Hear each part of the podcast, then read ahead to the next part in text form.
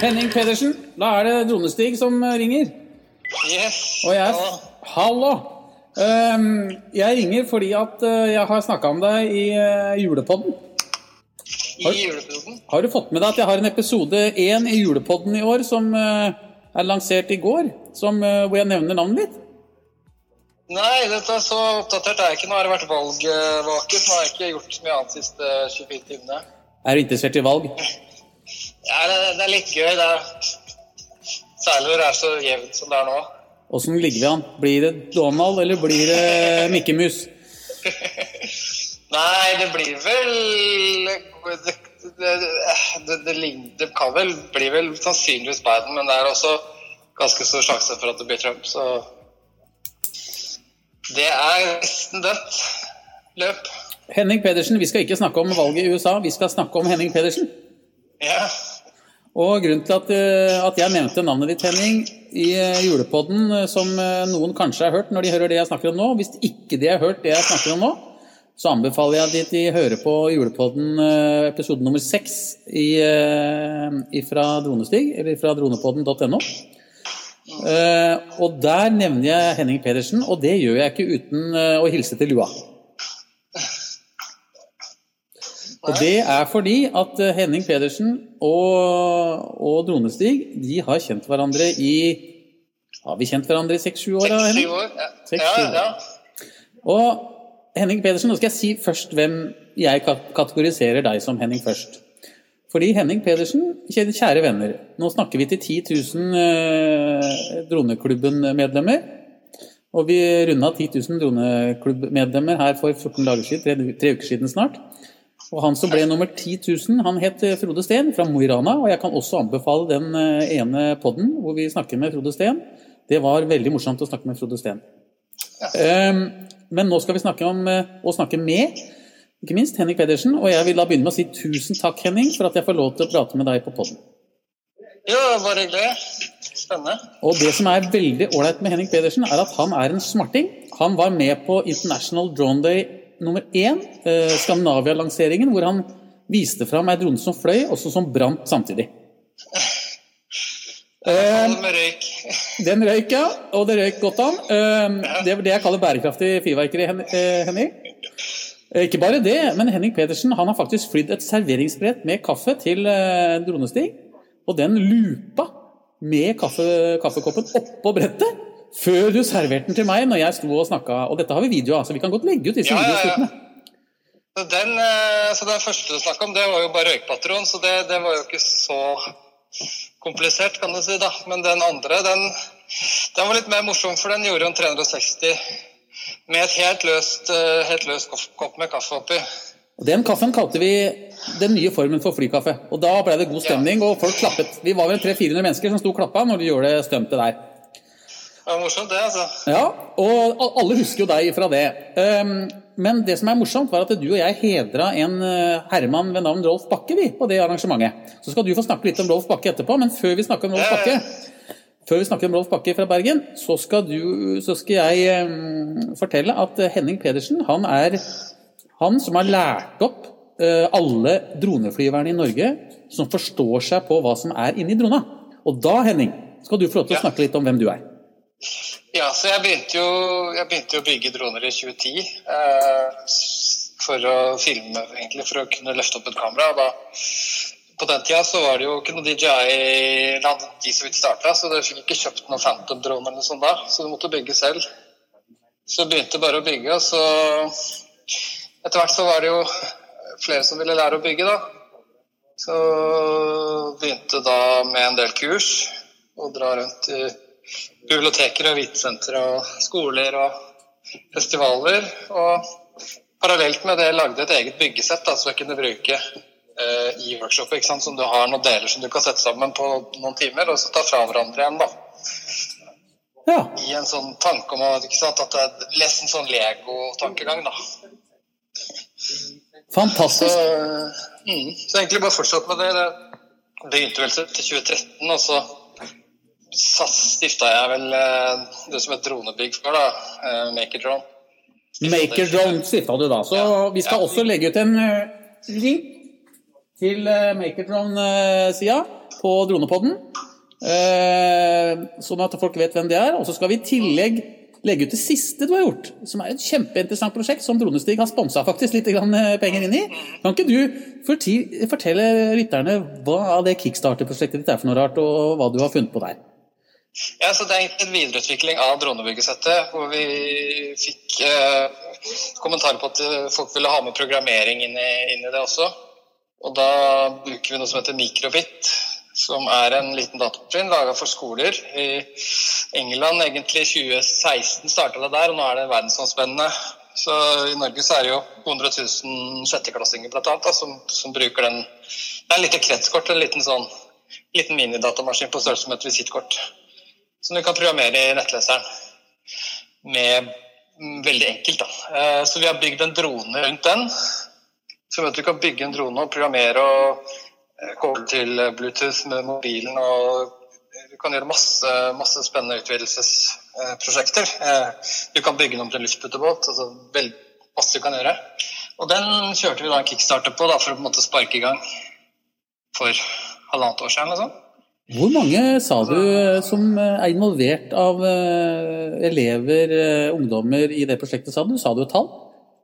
Ja, altså Når det gjelder mikrobit, så, som er en, det er jo noe vi bygger videre på. Da. Så det som starta i England, egentlig, så er det jo I Norge nå så er det jo 200 000 hvert år nå, sjetteklassinger, som bruker mikrobit. Så 200 000 potensielle brukere også av vår drone, da, kan du si. For det, det er på en måte ekstrautstyr eller en slags kombinasjonsutstyr da, til mikrobit. Dette er jo helt fantastisk. Og på verdensbasis så er det jo ca. 5-6 millioner sånne så vi, vi, liker å tenke at vi har 6 millioner potensielle kunder da, ja. som har denne datamaskinen. Men forklar litt prosessen nå for folk som ikke helt henger med i svingene nå, Henning. Hva er det som skjer fra A til Å når du kommer inn i bildet? Eh, så tenker du workshop da, eller tenker du eh, Ta gjerne workshop. Hvis vi skal bygge selv. Ta gjerne workshop inn i det. Ja, fordi workshop kjører vi gjerne typisk på en dag, seks timer. Og da er det liksom teori, og da, hvordan dronen fungerer, og ikke minst hvilke retninger du styrer med. For du har, du har, jo en måte opp og ned, fram og tilbake. Så har du høyre og venstre, altså sidelengsbevegelser. Ja, disse, disse, bevegelsene, så lærer man hva de heter, og hva de forskjellige delene heter. Setter dette sammen. Og så koder vi fjernkontrollen. da. Så fjernkontrollen lager vi fra bunnen av. Og den er da, består av en sånn minidatamaskin som du må lage koden til, og da har du fjernkontrollen til dronen. Og så på dronen sitter det også en mikrobit som er helt lik, som tar imot signalet. Ja, så du programmerer da fjernstyringen, da, radiokontrollen til dronen, den lager du fra bunnen av med kode. Og så har du en annen kode på dronen som er ferdig, som du bare laster inn. Og da snakker dronen med fjernkontrollen, eller de snakker med hverandre. Og da kan du fly. Og det, da har de også bygd, satt sammen motorer, batteri, propeller og disse ja, grunnleggende komponentene. da. Jeg vil jo påstå det, Henning, at enhver droneflyver, om du er 55 år og heter Dronestig, eller du er en tiåring som lærer dette første gangen, har svært nytte av en sånn full pakke med deg, hvor du lærer å se at der er en motor, der er det to-tre ledere, der er det en speed-controller, fartskontroller. Der er det en mikrobit. Der, er det en, der må det piddes. Der er det software.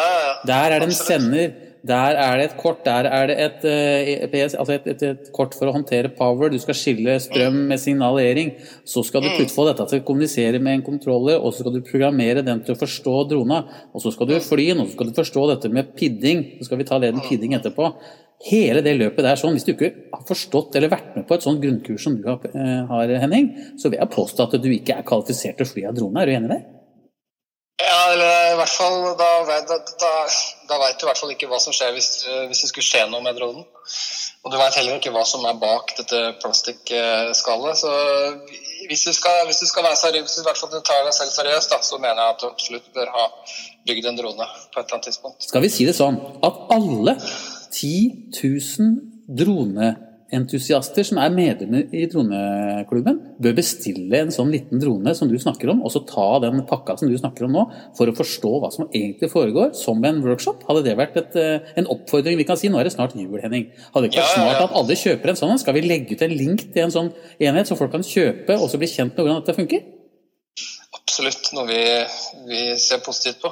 Skal vi si det sånn at du, du, han Henning, Henning Pedersen og han Dronestig, når coviden er over og alle har fått sprøyta, for å si det sånn, eller hva vi får for noe rart, skal vi eh, flagge i forbindelse med International Drone Day i mai neste år. Da håper jeg at vi kan møtes en hel gjeng i Lirdalen igjen. Du skal få gå på scenen sammen med meg, og så skal vi få snakke litt om det vi snakker om nå, Henning. Det hadde jeg håpa på.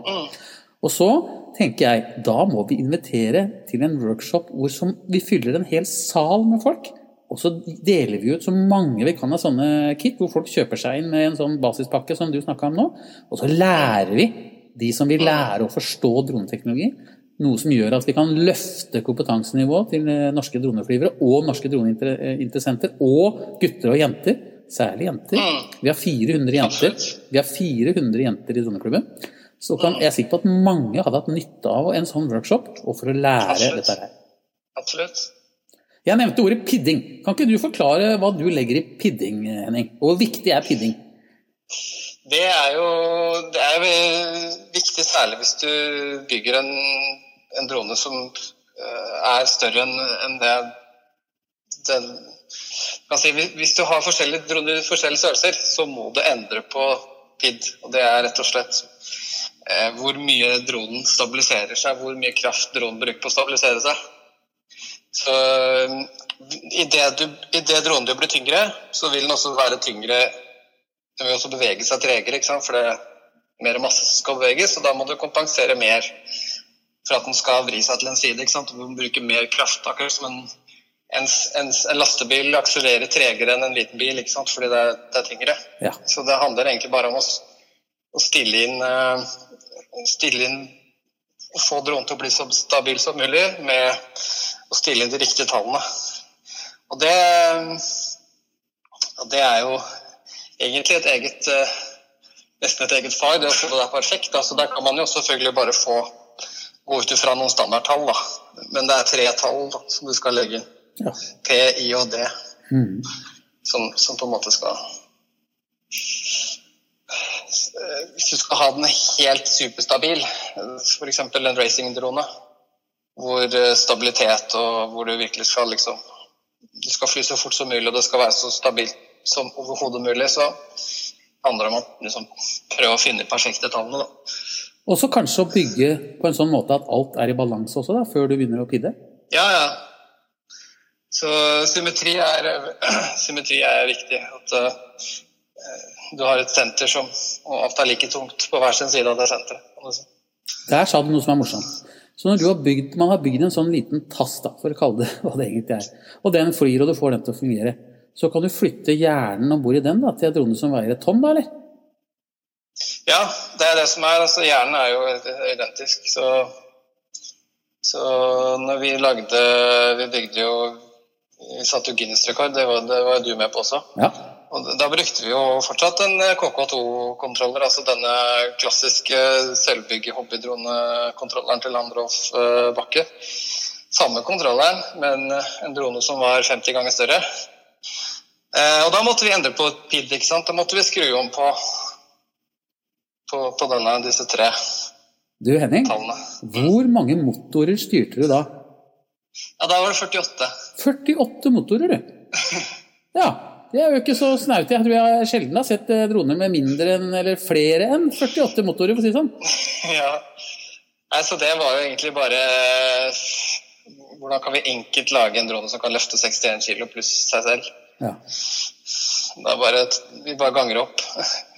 Vi kunne, vi kunne valgt å gå for noen større motorer så, og bare hatt 8 eller 16.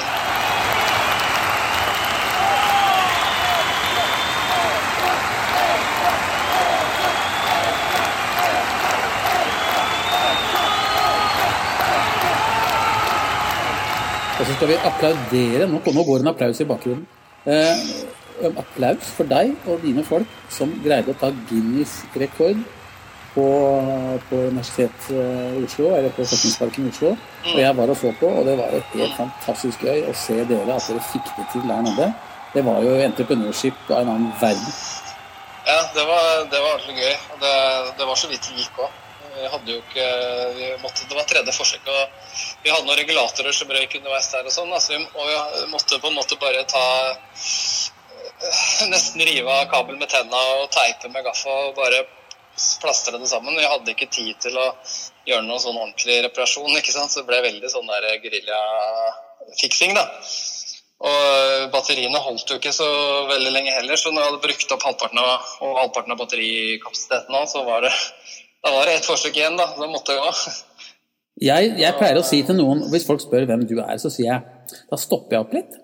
Og så Henning Pedersen, sier jeg. Så ser jeg på dem og så sier jeg I Norge så lagde Ivo Caprino Reodor-felgen innenfor bilindustrien. Eller biler og racingbiler og racerbiler. Alle kjenner jo Reodor-felgen fra Flåklypa. Jeg vil påstå at herr Henning Pedersen er svaret på Reodor-felgen knyttet til Drone-Norge. Ja, men Det er veldig hyggelig å høre. Du er en smart oppfinner. Du kan teknologi, du kan kode. Og ikke bare det, men du, har, du er fantastisk til å formidle. Jeg har vært til stede når har, vært, du har kjørt dine kurs. Det er en kunstart å kunne formidle sånn som du gjør. Engasjement, interesse, alt hvordan du jobber Henning, med norske ungdommer til å lære seg teknologi. Jeg tror en dag så må noen gi deg en pris. Ja. Det ja, nei. Kanskje det blir sånn om 30 år, sånn dronehistorie, kapittel 1, så Ja, vi holdt nå bygde første første dronen og Da sitter vi der, vet du, du og jeg. Jeg, jeg er blitt bestefar allerede, Henning. Jeg vet ikke hvor langt Ja, du har kommet.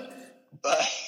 Men, eh, men jeg, jeg liker å fortelle om Henning Pedersen jeg, på, og hvordan vi drev. fordi jeg er jo en del av det gründermiljøet som jobbet før vi hadde DJI. Og jeg sitter jo og snakker med toppledere i norsk industri og norsk teknologiindustri. Telia, Telenor, jeg snakker med Politi-Norge, jeg snakker med Kongsberg Gruppen og ledelsen der. Jeg har mye dialog med mange store aktører i Norge. Jeg er så heldig at jeg får lov til å jobbe med droneteknologi. Um, Men jeg må innrømme det at eh, den grunnforståelsen som du har på teknologi, og hvordan du setter det sammen, eller kombinoverer, da, som jeg liker å kalle det, er helt forbilledlig. Og vi har mye å lære av deg. Jeg håper du kan fortsette å lære opp 200 000 ungdommer hvert år så lenge pumpa de slår. Ja. Jeg skal, jeg skal gjøre så godt jeg kan. Da skal vi snakke om Rolf eh, Bakke i Bergen. Vi har en liten Ja. historie om han. Kan ikke du, uten at jeg sier noe eller gir deg noe tips, kan ikke du gi meg eh, historien om Rolf, Bakke og hva han fikk det for noe rart, han luringen der borte i Ja, Bergen? ja altså det, det er ganske stort, altså. For han, han hadde lyst til å bygge drone til, tilbake i ja, 2009. Om det var omtrent det var så vidt det ordet var oppfunnet, holdt jeg på å si. Det, drone betydde vel kun noe som hadde med bie, hannbie å gjøre. Eh, Så han hadde lyst til å bygge seg en drone og trengte da denne hjernen, da. Som trengte å lage en sånn billig kontrollkort som du kunne bruke. For da kan du bruke egentlig fly, modellflymotorer og modellflybatterier og sånn på den tida. Da hadde du ikke noen dronemotorer, ikke sant. Du måtte ta det fra modellfly og sånn. Så da bygde han dette, denne hjernen. Skal vi kalle hjernen for en flight controller, Henning? Ja, styrekort eller flight controller, ja. Ja. Det er jo den som gjør at dronen er stabil, da, som måler vinkelen hele tiden ikke sant? og gjør at den ligger vandret i lufta. ja. Eh, Så denne konstruerte den selv altså, og, og skrev kode og alt sammen. Altså, jeg Fortsatt så har jeg på en måte til gode å kunne så mye om mikrokontrollere som det han kunne da. Altså, det er helt vilt hvor, mye, hvor god han var på det. Så han lagde denne kontrolleren først én versjon, og så en versjon til. Og den versjon to, da, den er jo da den ble jo da plukket, eller Begge to ble jo plukka av da Hobby King, da, som er, den- er vel kanskje verdens største leverandør av eh, hobby, altså radiostyrt hobby. ja.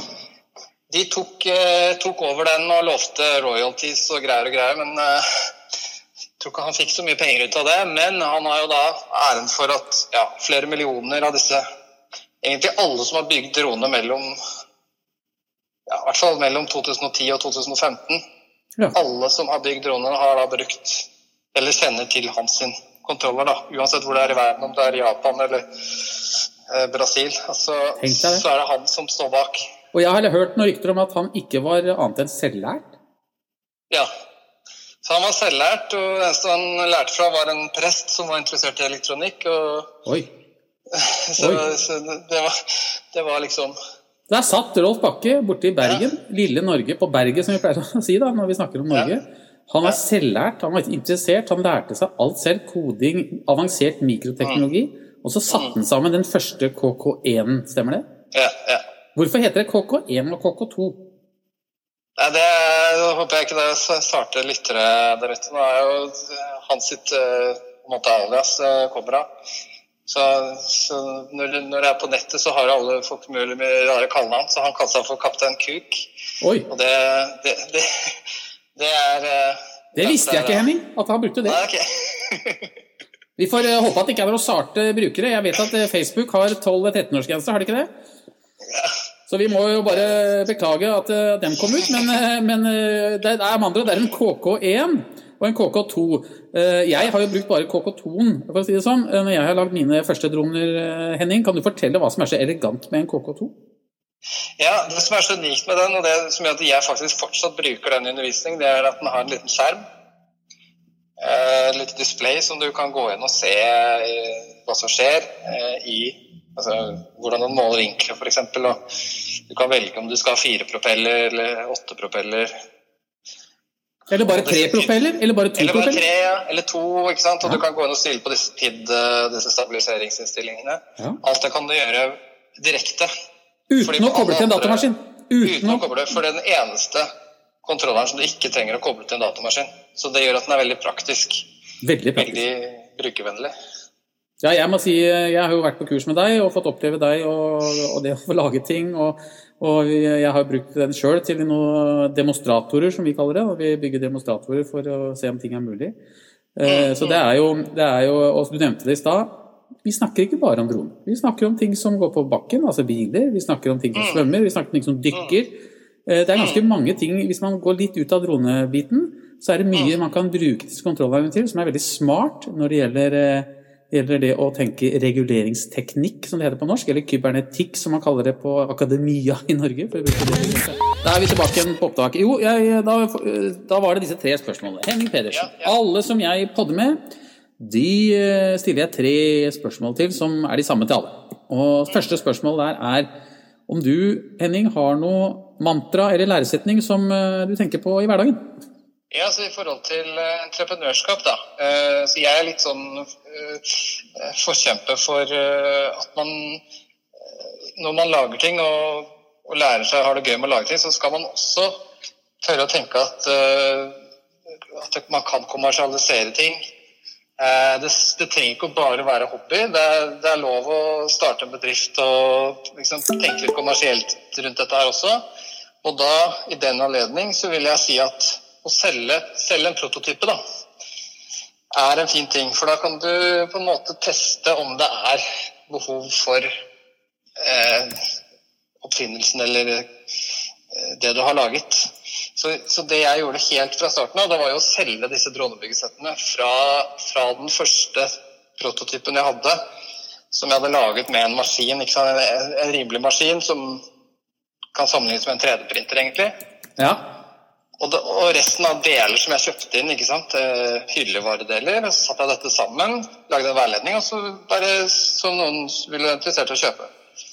Og det, og det var det jo. Og, og da har du allerede på en måte en bevis på at det er et behov for det i markedet, og da kan du fortsette å forbedre det og liksom eh, gjøre det ordentlig kommersielt. Nå tok det jo faktisk sånn egentlig kanskje fem år før vi faktisk hadde et skikkelig som er gjennomarbeida med ordentlig emballasje og liksom alle sånne formaliteter, og, og som var distribusjonsklart og alt dette her, da, som virkelig er et ordentlig produkt som du har ute i butikken.